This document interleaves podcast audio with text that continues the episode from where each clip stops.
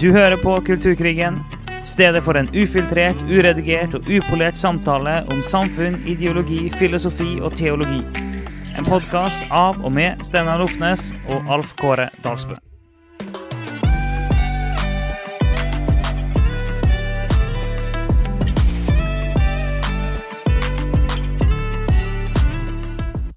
Ok, Velkommen til en eh, superkort episode. I alle fall etter vår standard. Jeg vet ikke hvor kort den blir ennå, det vet jo du som har starta den her. Så det, det gjenstår å se. Men eh, vi vet at eh, det, det er ikke sånn enormt mye tid vi har. Det er kanskje litt sånn lite pedagogisk av meg å si det, at det her er liksom hastverk for hastverk og lastverk. Men eh, det er jo litt sånn, eh, det er jo sånn livet vårt er, da. At av og til så må bare en episode ut når vi har valgt å gjøre det her ukentlig. Og i dag så har vi Vi har liksom ikke tre timer i kalenderen i dag. Nei, men vi skal klare å få det til. Han blir jo lengre enn de fleste andre norske podkaster anyway, så, så vi har eh, litt under en time til rådighet. Og så eh, fyrer vi ut, altså. Men vi tenker vi må ta litt lytterspørsmål. Vi prøvde jo det for et par uker siden. Med, Ja. Og det var jo et stort nederlag. Altså, Oi, vi hadde jo eh, potetmoshjerner.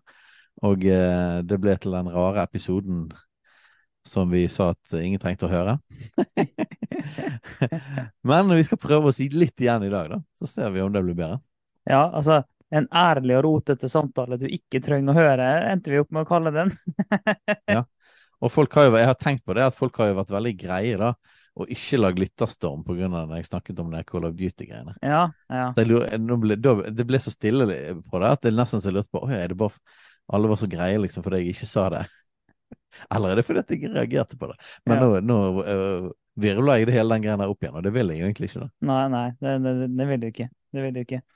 Nei, men vi, vi forsøkte oss jo eh, på en, eh, å svare ut en del lyttespørsmål, men vi var bare det var, bare det var ikke det at vi ikke var på vårt beste, liksom. Vi var bare Vi var ikke på eller med i det hele tatt. Og det er Det har bare skjedd én gang før at vi har skrota en episode. Nei, den første Nei, vi lagde en om marxisme helt Ja, i men Ja, det, det er den jeg tenker på. Å ja, en gang før. Ja, ja før Ja, ja. den gangen. Ja. Så, Mm. så nå har vi to. Nå har vi to episoder som vi har skrota. Fordi at de var så utrolig dårlige og treige og seige at vi bare har ikke hjerte til å la folk pines igjennom. ja, men det er jo ganske bra, da, på så mange episoder som vi tok.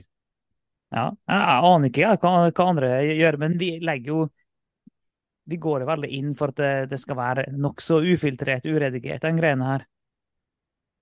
Så eh, det er jo litt imot hele konseptet vårt at vi skal skrote en episode.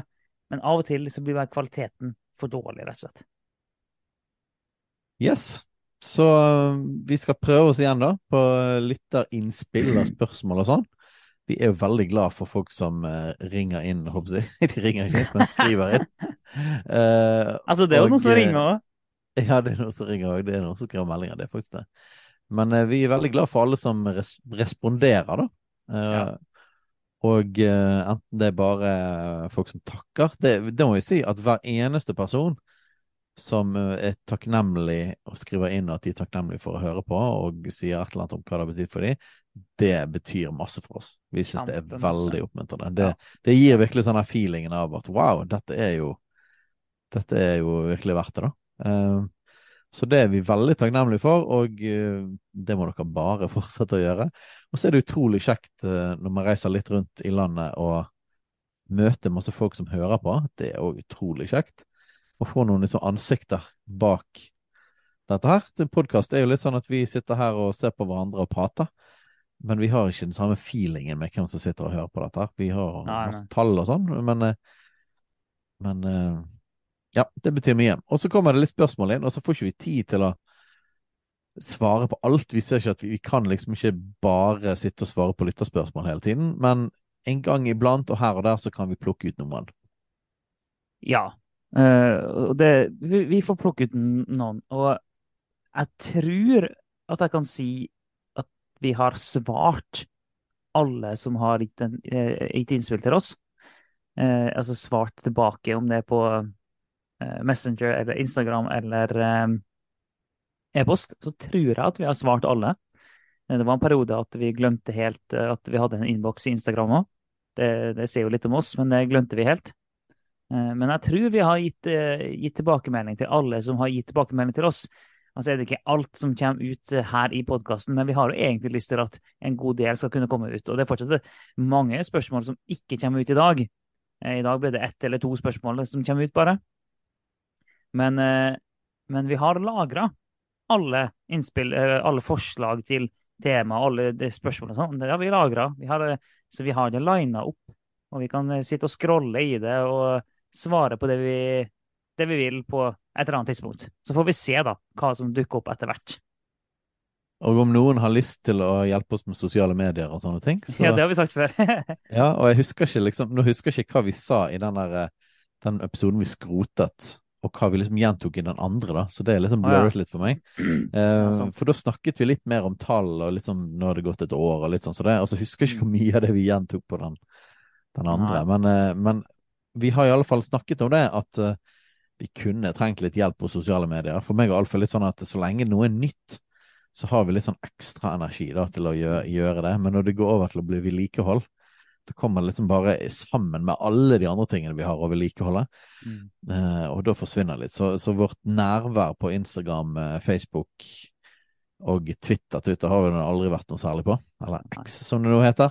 Eh, TikTok tror ikke, jeg tror ikke vi kommer til å ha så mye TikTok-videoer, da. Men, eh, men det hadde jo vært gøy en eller annen gang med å ha videopodkast eh, og lagt det på YouTube. Og vi burde i alle fall være litt bedre på Instagram og Facebook, da. Så vi, vi burde det. det. Så er vi veldig takknemlige. Ja, faktisk. Det, så vi har snakka om det, jeg og du, flere ganger, at i en optimal verden skulle vi gjerne hatt et lite Kulturkrigen-team Eh, med noen som kunne ha bidratt på de, på de feltene der. For at eh, vi kommer aldri til å, å, å prioritere det høyt nok, fordi at vi har eh, andre ting som vi mener er viktigere å holde på med.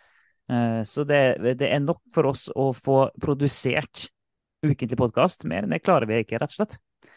Og, og ingen av oss har altså, Vi har jo nærmest minus passion for sosiale medier. Så det, er, det, kommer liksom ingenting, ingenting kommer gratis på den fronten her for vår del. Ingenting kommer av seg sjøl. Vi, vi, er ikke aktive. Det er ikke vi sånn som Katrine med Mammas hjerte, som stadig har eh, filmer og tar bilder eh, midt i hverdagen vår. Altså det, det skjer aldri naturlig at jeg vil lage noe sånt. Så, men vi vet jo selvfølgelig det, at vi hadde vi brukt sosiale medier eh, bedre, så hadde vi nådd ut til flere folk. Og det har vi jo egentlig lyst til. Ja. Så det ligger litt sånn uforløst potensial her. Nå var vi litt aktive i begynnelsen, og, og det satte oss litt i gang. Og så um, etter hvert så er det vel bare det at det er blitt spredd uh, gjennom uh, anbefalinger, og at folk snakker om det til sine venner og kjente. Og det er jo kult, for det, det virker som at overalt i landet altså, så hører folk på Kulturkrigen. Så det er jo mm. utrolig gøy og i veldig mange forskjellige sammenhenger. Så, så, det er vi glad for. Fortsett gjerne å anbefale oss hvis du liker dette her, da. Uh, men igjen, om noen kunne hjulpet med sosiale medier, så ta kontakt ja. på post1kulturkrigen.no. mm. Gjør det. OK, skal vi bare hoppe ut i det, da? Det er Skal vi ta den, den, den lengste først? Mm. Jeg bare lurer på, eh, vi, det her burde vi snakka igjennom på forhånd, men eh, ja. Et lite redaksjonsmøte her som ikke blir klippa vekk. Eh, skal vi lese gjennom hele for å gi nok kontekst? Eller jeg tror det er best, egentlig. Ja, jeg tror vi må det. Ja, jeg tror det. Da gjør jeg det. OK. Her er en lytter som skriver inn. Um, hei. Det var tipsa om podkasten dere lager, og har hørt episoden om nymarxisme. Det var interessant og stimulerende å høre på, der mange tankeprosesser ble satt i gang hos meg har lest noe av det samme budskapet i boka til Rossavik eh, som heter De korrekte. Interessant at dere betoner det radikale ikke-voldsaspektet ved evangeliet, og at frihet først og fremst kommer innenfra. Tenker mange kristne både før og nå naturlig nok prøver å kjøre to hester på én gang, dvs. Si både lene seg til eh, menneskelig styrke og Guds kraft. Har nylig lest Grindheim sin bok Livet i Guds rike, som er inspirerende og utfordrende med henhold til dette aspektet. Merka underveis i programmet at jeg sannsynligvis er mer positiv til postmodernisme enn det dere er.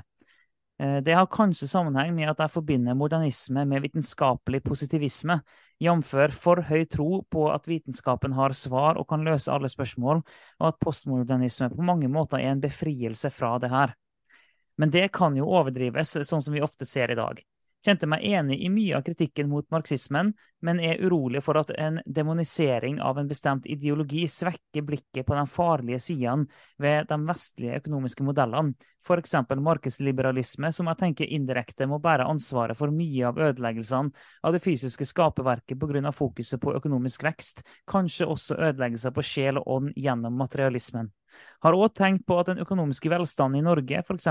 utjevningspolitikk, i stor grad har marxismen som inspirasjonskilde, og at økonomisk liberalisme ikke alene kan ta æren for økt velstand for de fleste. Det var en god tilbakemelding. Mm. Ja, der er det jo masse spennende, da. Um, så vi kan jo ikke ta noen sånn veldig sånn grundig gjennomgang, men vi kan jo på en måte bare gir litt sånn enkle tanker og sånn rundt de tingene han kommer med. Mm. Um, det er jo eh, Jeg syns det er jo interessant det han sier eh, når han skriver at han sannsynligvis er mer positiv til postmodernismen enn det vi er. Um, vi har jo hva skal jeg si, fillerista postmodernismen i episode etter episode gjentatte ganger. Vi har vært veldig hard og tydelig mot den. Det har vi. Eh, og, det, og, det, står jeg jo for. Og så er det jo eh, Jeg syns det, det, er litt sånn eh, forfriskende måten han setter opp på med OK, men det har vært en befrielse eh, å løsrive seg litt ifra tankene om at eh, vitenskapen har absolutt alle svar. Mm. Og, og vi, vi, vi, har for så vidt vært inne på det, med at vi heller tror ikke at vitenskapen har alle svar. Eh, vi tror bare at vitenskapen driver på med utforskning av eh, Guds gode ordninger Guds gode skaperverk. Eh, det er det vi tror vitenskapen gjør, men vitenskapen har ikke alle svar. Og vil heller ikke få alle svar. Men jeg syns det var en ja. interessant eh, måte han trakk det opp på. Absolutt. Og det er jo, det er jo ingen tvil om at uh, Egentlig begynte vi jo første episode med dette. Da det er jo ingen tvil om at at vitenskapelig positivisme, sier han der, da, eller i, på engelsk har de et begrep der man kaller det for uh, Noen kaller det for scientism. Mm. Altså på en måte Det blir på en måte mer enn vitenskap, en slags troen på vitenskapen, som er nesten som en religion. religion. religion i seg sjøl. Eh, og det er jo ingen tvil om at helt fra opplysningstiden og, og det man kaller modernismen, så var jo den måten å tenke på den største kan si, utfordreren til kristendommen.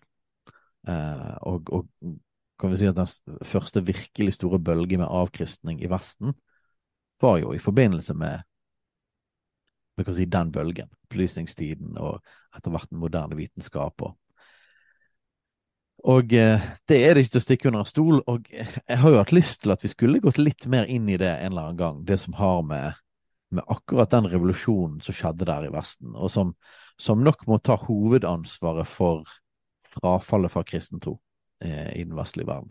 Så de siste kanskje hovedsakelig 200 årene.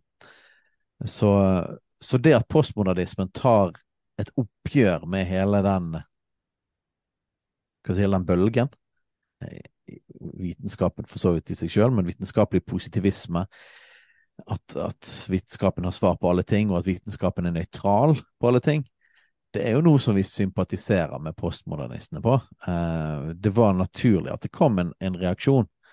Um, men problemet med, med, Derrida og Foucault og den gjengen der, var jo at liksom de dro på en måte reaksjonen så altfor langt. da, altså at, at, man endte opp med å ikke tro på noe som helst, og at det finnes ingen sannhet. Og plutselig er, er det kun individet som skal måtte skape sin egen sannhet. Og da tror jeg eh, Jeg mener nok det, at det var verre Altså hvis du, hvis du, Den innflytelsen fra postmodernismen tror jeg egentlig var mer destruktiv enn ja. kanskje til og med darwinismen. Og, og, men, men, det jo, men det, er jo, litt fordi at grenseløshet i sin natur er så utrolig destruktivt. Eh, uansett hva det er vi snakker om, så er det bare sånn grenseløshet i sin natur er helt vanvittig destruktivt. At det, det er nesten bedre med, en, med, noen rammer som ikke er veldig gode, enn å ikke ha rammer. Ja, og, og vitenskapen tar jo utgangspunkt i på en måte naturloven og det vi finner i naturen. Og vi tror jo at det vitner om Gud, da. Um, så, ja. så selv om ateismen kommer veldig i stor grad ut fra hele den bevegelsen, uh, og på en måte frafallet fra troen på Gud, og på en måte liksom latterliggjøringen av Guds tro da, og kristendom, har jo kommet gjennom kan du si, den bevegelsen. Så vil jeg likevel si at den på noen måter er mer forenlig enn postmodernismen. Men sant, her er det jo sånn, det fine her er at vi trenger ikke velge enten-eller. Eh, og og eh, vi kan absolutt anerkjenne det at postmodernismen var en god kritikk mot vitenskapen, eh, og muligens har det gjort, eh, gjort den litt mer ydmyk. Det vet jeg ikke helt. Men, Men jeg vet ikke helt om jeg syns at arvtakerne av postmodernismen kom med noe særlig bedre. nei, altså, det, det, det syns ikke jeg heller. Og, men det er jo litt sånn kristendommen tar det beste fra begge sider, for å si det litt sånn forenkla. Eh, på den måten at det eh, løfter fram en eh, total, objektiv sannhet. En urokkelig sannhet. Samtidig som kristendommen holder fast ved at mennesket kan ikke få eh, full åpenbaring. Vi, vi får ikke full åpenbaring. Gud er over vårt intellekt. Det å være kristen er en blanding av å akseptere et mysterium du aldri vil forstå. Eller muligens vi kan forstå litt mer i evigheten. Men på denne sida av evigheten Mm. så er det, er det å, å, å omfavne et mysterium vi aldri vil forstå, samtidig som det er en sånn bunnsolid, total, objektiv sannhet og moral. Og så får, Ja. du, I kristendommen får du liksom begge deler. da. Eh, Så du får, du får det rommet som jeg vil si, Derfor vil jeg si at kristendommen på en måte en bedre kritikk av eh, scientism enn postmodernisme, for å si det på den måten. Ja, men det er helt klart at noen av noen av argumentene som jeg hadde Jeg husker jeg hadde en venn på, på videregående som, som var sånn klassisk ateist og trodde på det rasjonelle, sant? og vi diskuterte Guds eksistens. Um, og jeg husker at vi diskuterte i noe sånn rundt sånn tre timer. Vi var veldig glad i å diskutere begge to og tenkte at nå skal vi komme til bunns i det. Vi liksom, eh, det var ikke bare sånn usaklig, vi seriøst diskuterte denne saken om Guds. Og, og så husker jeg vi kom inn på en Rema 1000-butikk på Wergeland, med rundt frysedisken der. Så husker jeg vi hadde liksom kommet til enden da, i diskusjonen. Um, og da husker jeg at vi, vi måtte på en måte bare komme fram til at eh, vel, til syvende og sist så kan jeg ikke bevise Guds eksistens, men du kan heller ikke motbevise Guds eksistens. Um, og, og da kom det ned til tro og Mm. faktisk erfaring. Ja. Uh, og, og man kan jo på en måte si det at det er nesten et postmoderne argument. At vi Mm. kan ikke på en måte vite. Vi, har ikke, vi kan ikke vite for sikkert hva som er sannheten. Og da kommer det ned til en individuell individuell opplevelse. Så man kan jo på en måte si det at jeg, jeg, jeg ga han et postmoderne argument. da. Ja, Eh, ja. Eller argumenterte mot, mot eh, ateismen, han som er postmoderne argument. Eh, Men, men det må jo være lov til å kunne si det at når det gjelder postmodernisme og marxisme eller hva som helst av andre ting, så vil det alltid være biter av sannhet i det. Ja. Eh, Og så vil det være andre ting som vil bryte med Guds ord. Og eh, vi har jo selvfølgelig hovedsakelig brukt tiden på å kritisere postmodernismen av den enormt destruktive innflytelse det har på kulturen vår. Men det betyr jo ikke at ikke, at ikke hadde poenger, da. Eh, og at det var gode grunner til at den, den reaksjonen kom. For det er noe, så, noe av problemet med, med liksom den ateistiske vitenskapen, er at den kan bli utrolig arrogant. Mm. Eh, og på en måte sette seg sjøl som Gud. For det er jo noe av utfordringen med postmodernismen. Og hvis du tar sånne folk som Foucault, dette ligger en veldig sånn opprør mot alt, og alt som er over, og på mange måter, og så blir man sjøl Gud, da.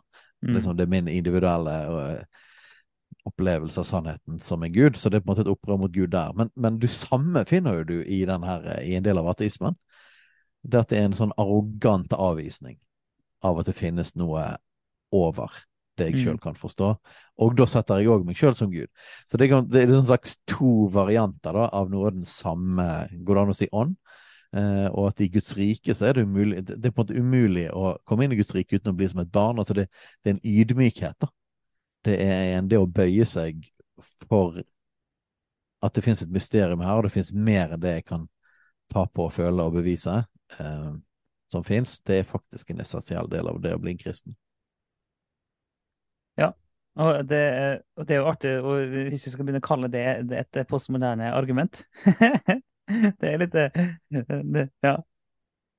Men eh, eh, Men det er elementer av det, da, som, som kan du si Vi kan være enig i en del av kritikken. Ja da, uh, vi, vi kan det. Mm. Vi kan det. Vi kan det. Uh, Fordi at eh, Gud er større enn det mennesker kan bevise til enhver tid. Gud er veldig, veldig mye større enn det. Gud passer ikke innenfor en menneskelig boks.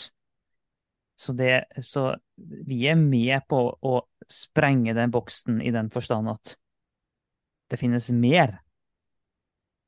Men vi går ikke med på at det er vi som definerer hva som er riktig boks, på en måte, for å si det litt sånn tullete, hvis Gud absolutt må være en boks. Um, Vi tror at det finnes en objektiv sannhet som vi faktisk kan òg få del i. mm. Og det i seg sjøl er å, gå imot en av de viktigste, kan du si, premissene i postmodernismen. Men det er jo Mm. eh, Men jeg opplever det ofte Så når jeg snakker med folk som ikke Som er ja, en, en kaller seg gjerne ateist, men det er jo de færreste som er ordentlig ateister. Det er faktisk virkelig de færreste som er ordentlig ateist, selv om de Mm. gjerne kaller seg det. Eh, men eh, en ting er eh, en ting jeg ofte kommer fram til i samtaler med folk, er jo det her med eh, Det er jo litt det samme som du sier, at ok, det vi kommer fram til her, er at jeg kan ikke bevise Guds eksistens, eh, du kan ikke motbevise det, så de kommer ned til tro. Det, og da kommer du tilbake til at ok, eh, det er like mye tro, eller kanskje til og med mer tro, å tro at Gud ikke finnes, enn å tro at han finnes. Og, det, og, det, og, og folk som er veldig sånn hard på en sånn vitenskapelig positivisme, vil jo avfeie det totalt. Og, det, da er jeg litt inne på den arrogansen som du pekte på. Og det kan være ganske slitsomt å forholde seg til. Folk som vil avfeie det helt sånn totalt. Og det er, så jeg var jo veldig glad for at kritikken mot en sånn måte å se verden på. Og det har vært, vært nødvendig. Um, og så kommer han litt inn i, for, inn i marxismen her, da. Um, kjenner meg igjen i mye av kritikken mot marxismen, men er urolig for en demonstrering av en bestemt ideologi.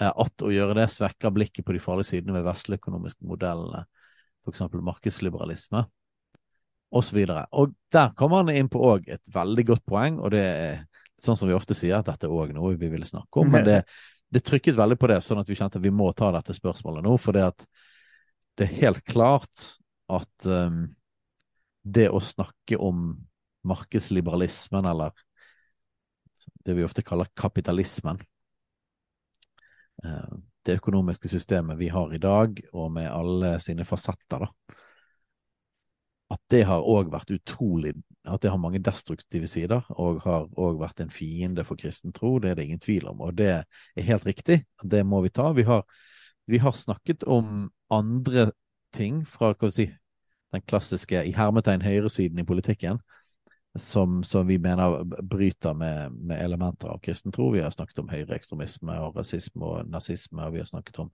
høyrepopulisme og nasjonalisme. Eh, så, så, så, det har vi vært innom noen ganger, um, men vi har ikke vært så mye inn i ja, hva er utfordringen, og hva er på en måte litt sånn kristendomsfiendtlig, med, med, det markedsliberale systemet vi er en del av. Og eh, jeg vil si det at, at, at hovedutfordringen Det ligger noen grunnleggende elementer i markedsliberalisme eller kapitalisme, som, som, er problematisk. Men jeg vil kanskje si at hovedproblemet, eller det som kanskje har vært verst for den kristne tro, er at det har funket veldig bra i forhold til å Markedsliberalisme har funket bra til å gi oss velstand eh, og underholdning. Um, og det som på en måte på én side er positivt, er òg kanskje noe av det mest destruktive. Og hvis, hvis, du, hvis man tenker sånn som israelsfolkets historie, der har de jo en sånn her syklus nesten som, som, som er sånn at når, når folk falt fra Gud, så ble det dårlige tider økonomisk, og det ble krig, og det ble sult. Og så, eh, når det hadde vært dårlig en stund, så begynte folk å rope til Gud. Og så reiste Gud opp noen som forkynte, eh, forkynte loven og omvendelse og komme tilbake igjen til Gud, og så omvendte folket seg. Til alle menn der ute, sett av helga 3. til 5. mai 2024, for da skal Kulturkrigen arrangere mannshelg på Hemsedal høyfjellssenter. Da skal vi gå inn i eh, mannstematikk koblet til kulturkrigen. Altså, hvordan er det å være mann i denne krigen vi står i i samfunnet, og hva er faktisk vårt ansvar og vår rolle? Så hvis du syns det er interessant, og hvis du liker å høre på denne podkasten så går du til fjells.no og melde deg på Mannshelg med Kulturkrigen 3. til 5. mai. Gjør det Vel. nå. Sant? Etter de hadde, de hadde bedt, og så det har vært en vekkelse der, da. Og så fikk de fred med Gud igjen, og så begynte de å bli velsignet. Det ble fred, og så ble det velstand, og så ble det eh, nytelse. Og så ble velsignelsen etter hvert deres Gud, Mm. og så falt folk ifra igjen. Og så hadde du det gående, da. Dette skjedde jo i flere sykluser i israelsfolket. Og utfordringen der er jo det at eh, materiell velstand, sånn som det ble beskrevet i Bibelen, ganske konsekvent faktisk, gjennom, gjennom Bibelen, det blir advart mot i Det nye testamentet, for det er en fare, men selve liksom, essensen av materiell velstand blir beskrevet som en positiv ting i Bibelen. Eh, og det ble beskrevet som velsignelse, altså positivt for oss. Jorden ble òg skapt, altså før syndefallet, til å være til å ha overflod. Til å ha mer enn nok. Eh, Så dette er liksom en del av Guds skaperverk. Selv sånn, det i seg sjøl at vi har det godt og har overflod, jeg vil si at sånn teologisk sett er en positiv ting eh, i Guds rike. Eh, eh, eller i, i Bibelen, i teologien. Men problemet med den velsignelsen er det at ofte den velsignelsen tar plassen til Gud. Ja, men, så Ja, Bibelen, Bibelen snakker om at det er jo kjærligheten til penger Ja. som er problemet, ikke penger. Yes. Så det er jo kjærligheten til velsignelsen, ikke velsignelsen, som er problemet. Og det er litt sånn, ja, eh, ikke alt med, ikke alt med, med, med markeds, markedsliberalisme har vært positivt. Uh, nei, det er absolutt det er noen åpenbare ting en kan snakke om der. Om det er både i samfunnet og, og fordeling og eh, eh, klima og miljø. Det, det er mange ting en kan eh, trekke fram der. Men, men største problemet er jo nettopp det, da. At kjærligheten til velstandsøkningen, kjærligheten til det nye komfortnivået, det er nok det aller største problemet for eh, Ja. eh, altså Nå holdt jeg på å si for kristne. Vil, det er for alle, det vil jeg jo egentlig si, da. Men det har, det har vært en av de store faktorene som har ført til frafall. Altså, Mm.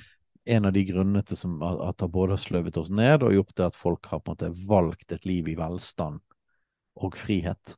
Ja, og Det blir litt sånn som at vi tror at demokrati er bra, vi tror at ytringsfrihet er bra, vi tror at, sant? men det betyr ikke det at altså, frihet er positivt, hvis du tar det litt mer som en samfunnsstruktur, da, der du ikke har et autoritært system. Så er frihet en positiv ting. Men frihet er òg en sånn ting som kan gjøre oss sløv, altså gjøre oss mindre bevisst Mm. eh, gjøre oss mindre eh, På samme måte er velstand det. Så jeg tror jo at, at velstand har, er positivt, eh, og at velstand er en del av Guds velsignelse.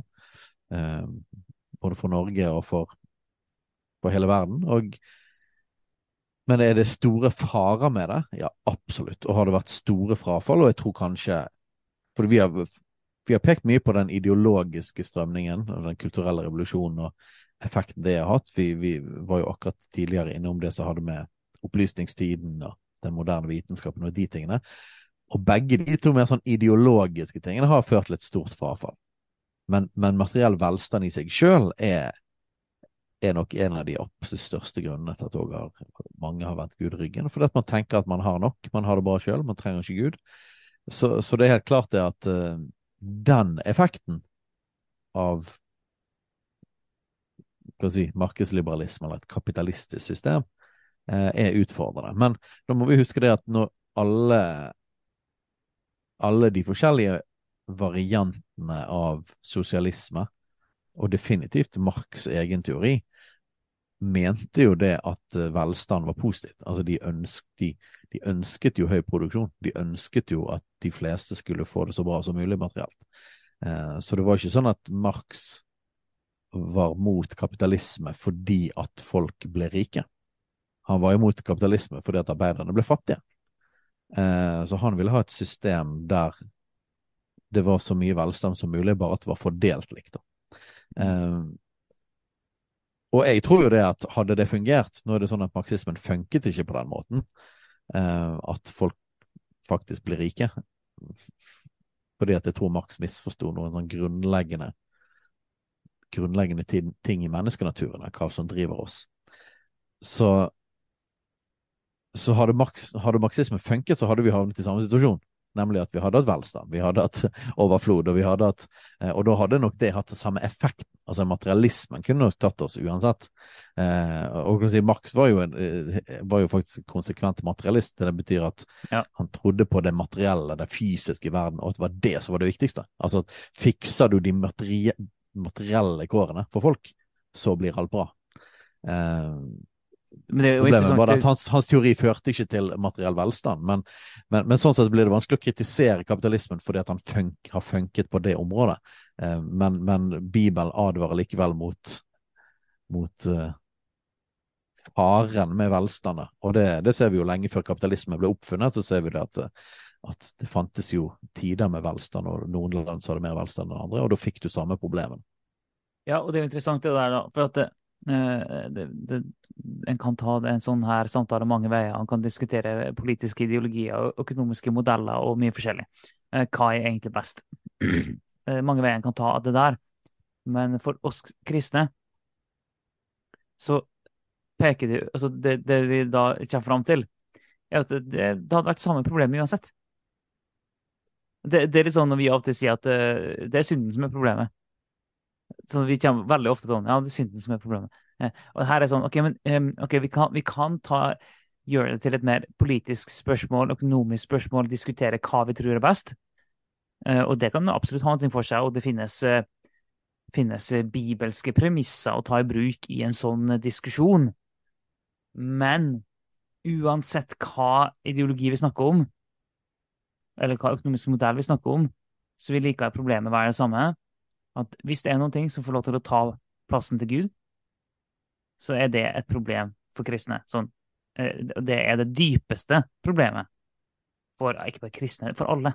Men eh, uansett er det jo det, det dypeste problemet. For det, det, det, det sånn, eh, finnes ulike definisjoner på avgud, kan du si.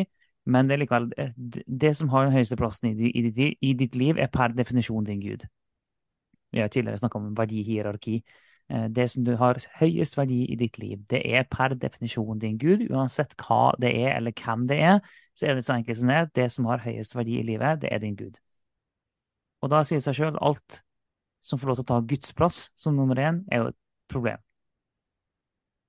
Ja, men uh, la, la, oss Det Det vært gøy å bare ta noen, litt sånn kjapt noen av noen av de teologiske problemene med markedsliberalisme. Uh, og på samme måte som når vi snakker om Egentlig ikke marxisme, for marxisme er en, er en, defi, er en en definert ideologi. Uh, så det er på en måte ganske lett å avvise marxismen som er kristen, for det er på en måte en pakke. da. Men hvis du breier det ut til å ta litt sånn generell sosialdemokrati eller generelt sosialisme, eh, generell tanke om omfordeling og, og, fokus på å hjelpe de fattige, um, så vil jeg jo si det at vi kan definitivt si at en del av den liberale tanken, sosial liberalisme eller sosialdemokratisk tanke eller generell sosialisme, har vært en viktig innflytelse på å tenke omfordeling av rikdom.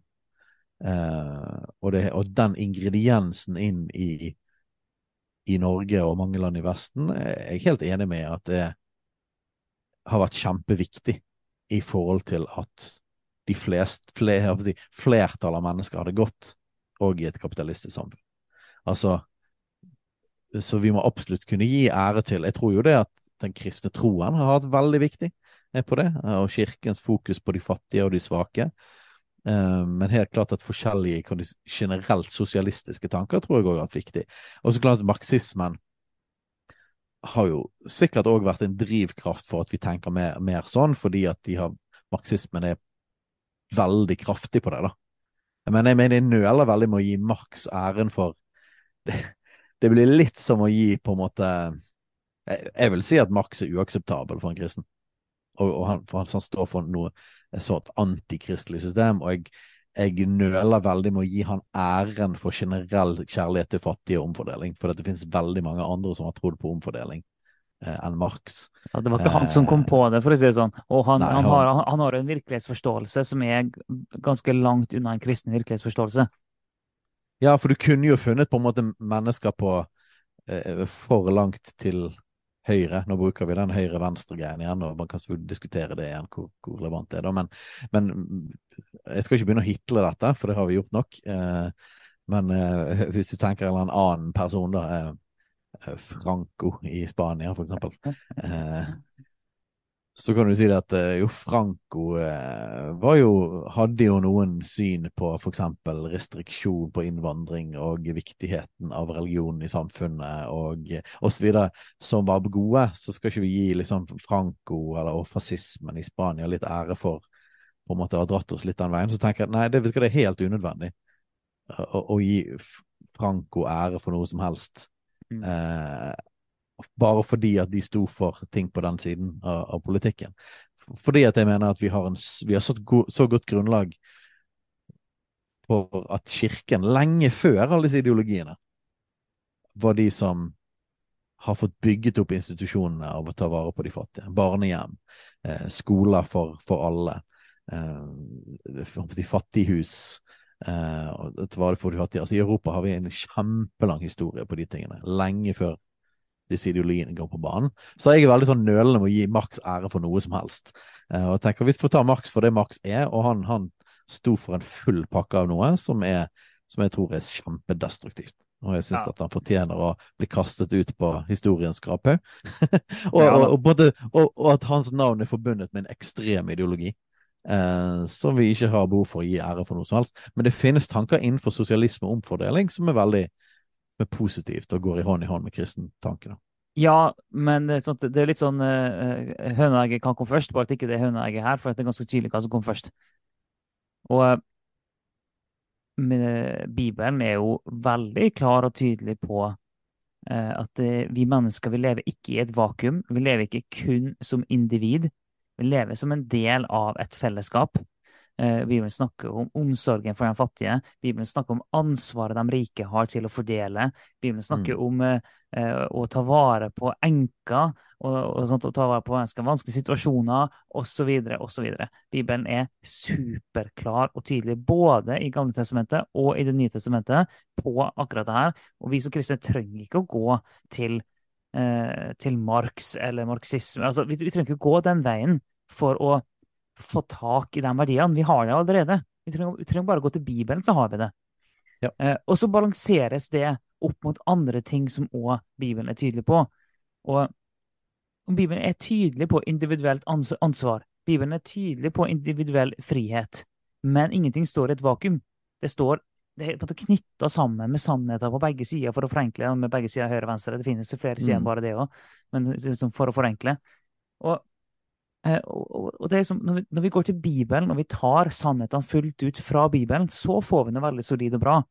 Men hvis vi bare hvis vi måtte hente fra feil kilde, så blir det alltid dårlig. Det sier seg sjøl. Altså, frukten fra et dårlig tre, det er dårlig, det er dårlig frukt. Så det, vi kjenner jo til treet på frukten. Men for å ta liksom eh, eh altså, Han nevner jo markedsliberalisme. Sånn. vi kan ta eh, liberalisme i, i stort, da. Um, så er det det at OK, en, en, kristen kan ikke gå med på at vi, hvert menneske er en individuell øy som bare har ansvar for seg sjøl. Det er jo en mm. dypt ukristelig tanke. Altså, en kristen kan, kan ikke gå, gå, så langt mot den retningen, eller omfavne liberalisme så heftig som det.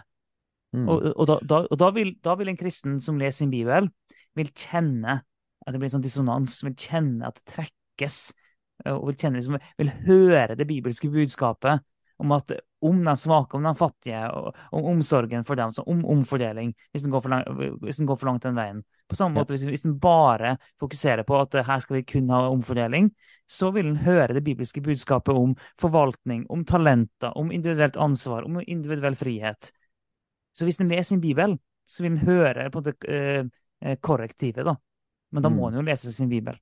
Ja, Og det er jo interessant hvor konkret Bibelen er på disse tingene. For, for på den ene siden så er det bare sånn Det å være rik er positivt i Bibelen. Mm. Ja, sant? Det er Masse skriftsteder på det. Og, og i Bibelen så blir det helt sånn satt på, helt på linje med det at man levde et, et godt liv. De mente ikke Eller at du levde godt med Gud, da.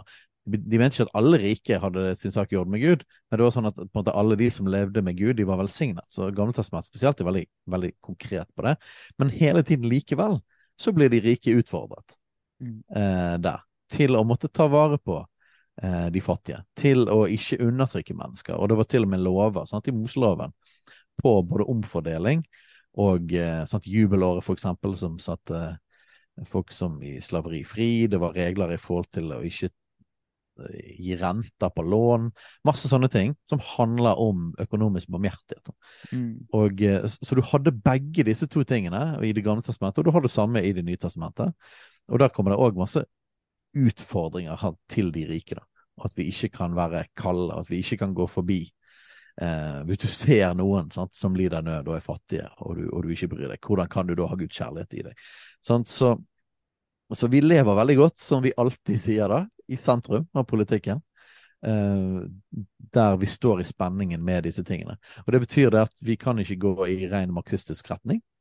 Uh, men vi kan heller ikke gå i en radikal markedsliberalistisk retning. Der vi tenker at alt handler kun, kun ansvar for deg sjøl, og uh, du må ta konsekvensene av alt du har gjort. Og, og ikke på en måte regne inn da at det finnes andre faktorer òg. Det er ikke kun det individuelle ansvar som avgjør hvordan det går, på deg, går med deg. Det kan være masse ting som er uforutsett, eh, som gjør at du har det vanskelig og du er fattig. Og, og eh, ja, så vi må legge en demper på det. Og hvis, hvis, hva er det mest sånn her superkapitalistiske jeg kan komme på? Da må jeg tenke sånne her filmer som eh, eh, den her Wall Street-greiene. Disse aksjehandlerne Mm. På Wall Street og sånne ting. Sant? Eller i, i Norge så har vi jo denne serien Exit, Mm. eh, som representerer litt sånn råkapitalisme. Som er en slags sånn hedonisme koblet med å bare tjene så pe mye penger som mulig, og det er det man lever for. Og eh, status og eh, Og en sånn total mangel på, på eh, sympati eller empati med andre mennesker. Altså en sånn rå kapitalisme. Eh, og det, det er jo ikke forenlig med kristen tro i det hele tatt. Altså, og, og det å ha et system som kun oppmuntrer til det, og har ingen av de andre elementene inne, det, ikke, det, det, vil ikke funke for en kristen. Så som en ren markedsliberalisme vil jeg si at òg er på en måte bryte med Guds ord. Sant? Og Går du for langt i liberalismen òg, så går du imot konservative verdier som handler om institusjonene. Mm. Eh, statens rolle. Bibelen er jo veldig tydelig på å bekrefte statens rolle, at staten er innsatt av Gud, myndighetene er innsatt av Gud, og, og eh, institusjoner som familie og andre samfunnsinstitusjoner er jo noe som vi heier på. Og nok en gang, Kirken har jo bygget opp veldig mange av disse institusjonene. Både helsevesen, og skoleverk og universitet osv. Så, videre. Så så vi kan ikke gå for langt eh, og bli liksom råkapitalister kapitalister som kristne. Det, det kan vi ikke. Men så, som et godt system der, der landet som funker best, er jo de som har markedsliberalisme til å skape velstand. Og en fellesskaps- eller sosial politikk, sosial profil, til å omfordele velstand. Eh, og at man, man, man ikke Og det er jo den det er jo den politiske debatten på økonomi i Norge og de fleste vestlige land. Det er jo på en måte akkurat hvor langt skal du gå i forhold til omfordeling eller frihet for markedet. Ja. Eh, Men ingen vestlige land, ikke engang USA, har jo et totalkapitalistisk land. USA òg har omfordeling og, og et visst velferdssystem. Sånn at, så her er det mer sånn gradsgreier, da, hvor langt du skal gå den ene eller andre veien. Men for en kristen så vil vi si det at det, vi kan ikke gå for langt til venstre eller for langt til høyre. Ja, og, og vi prøver hele tiden framheve det at vi, vi går for ingen av delene. Eh, eh, vi, vi definerer oss i det norske politiske landskapet, så har jo vi tidligere, og vi definerer oss fortsatt der, som sånn sentrum-høyre-ish. Eh, det er der vi har plassert oss sånn i det politiske landskapet i Norge. Fordi at vi føler at vi, vi blir dratt hardt i begge retninger av Guds ord. Mm. Og så, vi, og så opplever vi at det er der vi lander. Eh, jeg tar jo med meg den, eh, det han lytteren her skriver om at han er urolig for en demonisering av en bestemt ideologi, og at det svekker blikket på farlige sidene ved andre, andre ideologier. Det poenget er jo helt riktig, og veldig bra. Og det blir i alle fall viktig hvis en kritiserer én ideologi fra en annen ideologi. Det er da det veldig lett skjer. Og jeg, jeg, jeg, jeg, sier ikke at vi er immune mot det, det sier jeg ikke. Men jeg sier bare at hvis vi kritiserer en ideologi fra Bibelen, så er det, er det en slags eh, vaksine Nei, det var dårlig uh, bilde, men da, da, er det en slags uh, Det er på den beste måten for å unngå akkurat det, at en bare demoniserer én bestemt ideologi. Eh, for hvis en passer på at når en eh, kommer med kritikk mot ideologien, så er det ifra Bibelen, fra Guds ord. For hvis det der en henter sitt verdensbilde fra, på en måte henter kritikken fra, så vil òg det automatisk være kritikk mot det som går langs andre veien. Så vi må på en måte hele tida jobbe med at vi forankrer vårt verdensbilde i Guds ord. Og hvis vi skal kritisere en ideologi, så kommer kritikken fra Guds ord. Og så lenge vi hele tida går inn der, inn til Bibelen, inn til Bibelen, inn til Bibelen, i, hele tida i det vi driver på med, så tror jeg det er en måte å unngå da, den, den, det han beskriver her, som man kan kjenne en, en urolighet for. Mm. Ja, og, så, og, her er det litt forskjeller. for både den konservative ideologi eller liber, den liberale ideologi eller til og med liberalisme har mindre innhold enn f.eks. marxisme. Altså, det er ikke et totalt system. Det er mer et par prinsipper som man tror på, og så har man ikke veldig tydelige tanker. Altså, det er nesten en del av ideologien at man ikke skal tenke så mye om alt. Ja. For det er individets frihet. Sånn at da blir det ikke et, en like stor pakke å kritisere, men da er det mer sånne elementer. Eh, mens, mens, marxismen har en veldig sånn kraftig pakke. Det er tydelige meninger om veldig mye, da. Sant? Helt ned på kjernefamilienivå. Så, og, og, og Bibelen har en kraftig pakke, og derfor blir det ganske kraftig krasj. Ja, så, så den, den, det er flere kontaktpunkter der det krasjer. da. Og det er jo egentlig ikke den økonomiske altså Jo, hvis du tar marxismen, så, så er den problematisk. Men vi har jo ikke gått inn i den økonomiske siden hovedsakelig av marxisme. Det gjorde vi ikke når vi, når vi hadde, hadde, den podkasten, og det er jo bevisst. Eh, for vi snakker ikke primært om økonomi her. Da vi tenker vi det sånn, la oss legge oss eh, greit i midten. Eh, det, det, stemmer overens med hvordan Bibelen snakker om økonomi. Eh, mens, mens, det vi kritiserer marxismen for, er jo resten av pakken. Eh, og det er jo, mm. det er, jo det er derfor, derfor, er det på en måte sånn at vi er urolig for at demonisering av bestemt ideologi, så vil jeg jo si Det er jo litt sånn flisespikkeri, kanskje, men jeg vil jo si det at ja, jeg demoniserer marxismen. Ja. for jeg vil si det at marxismen er demonisk. Og det er ikke ja. primært på grunn av altså, Hadde man kjørt disse økonomiske modeller, så tror jeg nesten det òg er demonisk, for, det, for det, det, er så, det, er så, destruktivt. Men det er ikke hovedsakelig økonomibiten som jeg mener er demonisk i marxismen. Um, men det er antigud og antimyndigheter, og det er vold, og det er opprør, og det er nedbryting av familie og alle mulige institusjoner. Det er det som er demonisk, for det strider så direkte imot kristen tro eh, mm. og Bibelen. Eh, men jeg, jo, jeg tror ikke noen heller hadde hatt problemer med å si at vi demoniserer nazismen. Eh, og fordi at jeg mener det er en demonisk ideologi. Nazisme er en demonisk ideologi. Så, og, og, igjen så poker vi den greien der, da. Eh, at eh, la ikke Max slippe unna. Han er, han er mer spist, altså han blir mer på en måte godtatt i vår kultur. Eh, og det har nok en del med andre verdenskrig å gjøre og den kalde krigen og sånn, og, og det, er forståelig. Men, men jeg syns det, igjen og igjen da, at vi skal vi skal understreke alvorligheten av den, av den pakken som Max kom med. Mm. Eh, og så betyr det ikke det at vi mener at Arbeiderpartiet da er marxistisk, for eksempel, selv om de er eh, den, den, retningen. Men igjen, i politikken, i norsk politikk, det er ikke hovedsakelig økonomi, altså jeg har egentlig ikke noen problemer med, med Arbeiderpartiets økonomiske politikk. Eh, altså, Det er ikke nødvendigvis akkurat der jeg ville lagt sjøl. Jeg ligger sikkert litt lenger til høyre, men det er ikke det viktigste ting for meg som en kristen. Eh, jeg hadde fortsatt veldig lite problemer med at, at at Arbeiderpartiet hadde styrt hvis det kun handlet om økonomi. Det er jo verdipolitikken. Det er jo Mm. familiepolitikken. Det er jo det Alle de andre tingene i den kulturelle revolusjonen som vi er inne i nå, som, som går på identitetspolitikk, som går på nedbryting av konseptet mann og kvinne, og hva sannhet er, og osv., osv. Det er alle de tingene vi har veldig store problemer med. Og det kommer hovedsakelig fra venstresiden. Men ja, det er ikke snakk om omfordelingspolitikken økonomisk, som er vårt store problem.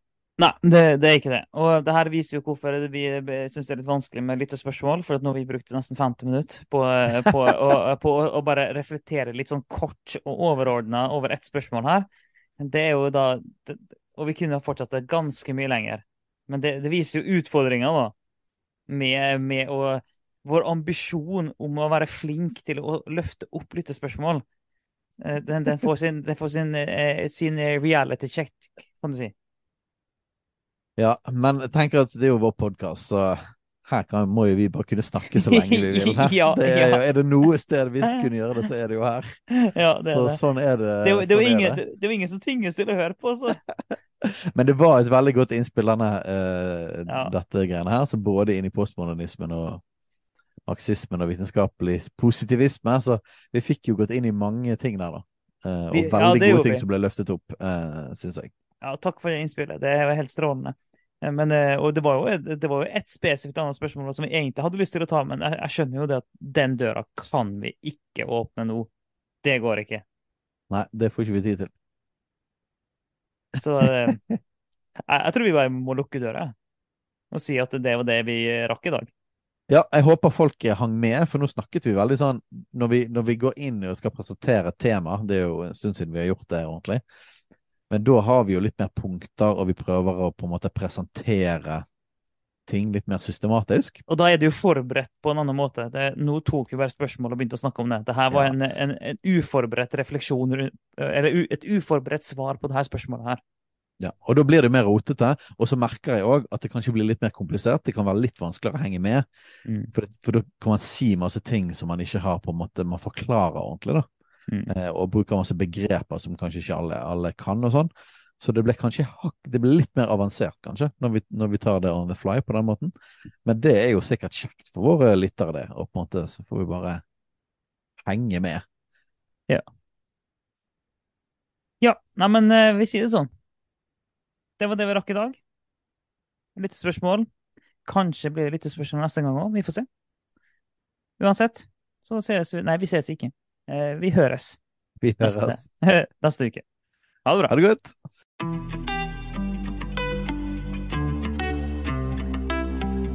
Takk for at du lytter på Kulturkrigen. Om du har tilbakemeldinger, spørsmål, hva som helst egentlig, send inn til post alfakrøll kulturkrigen.no eller på sosiale medier.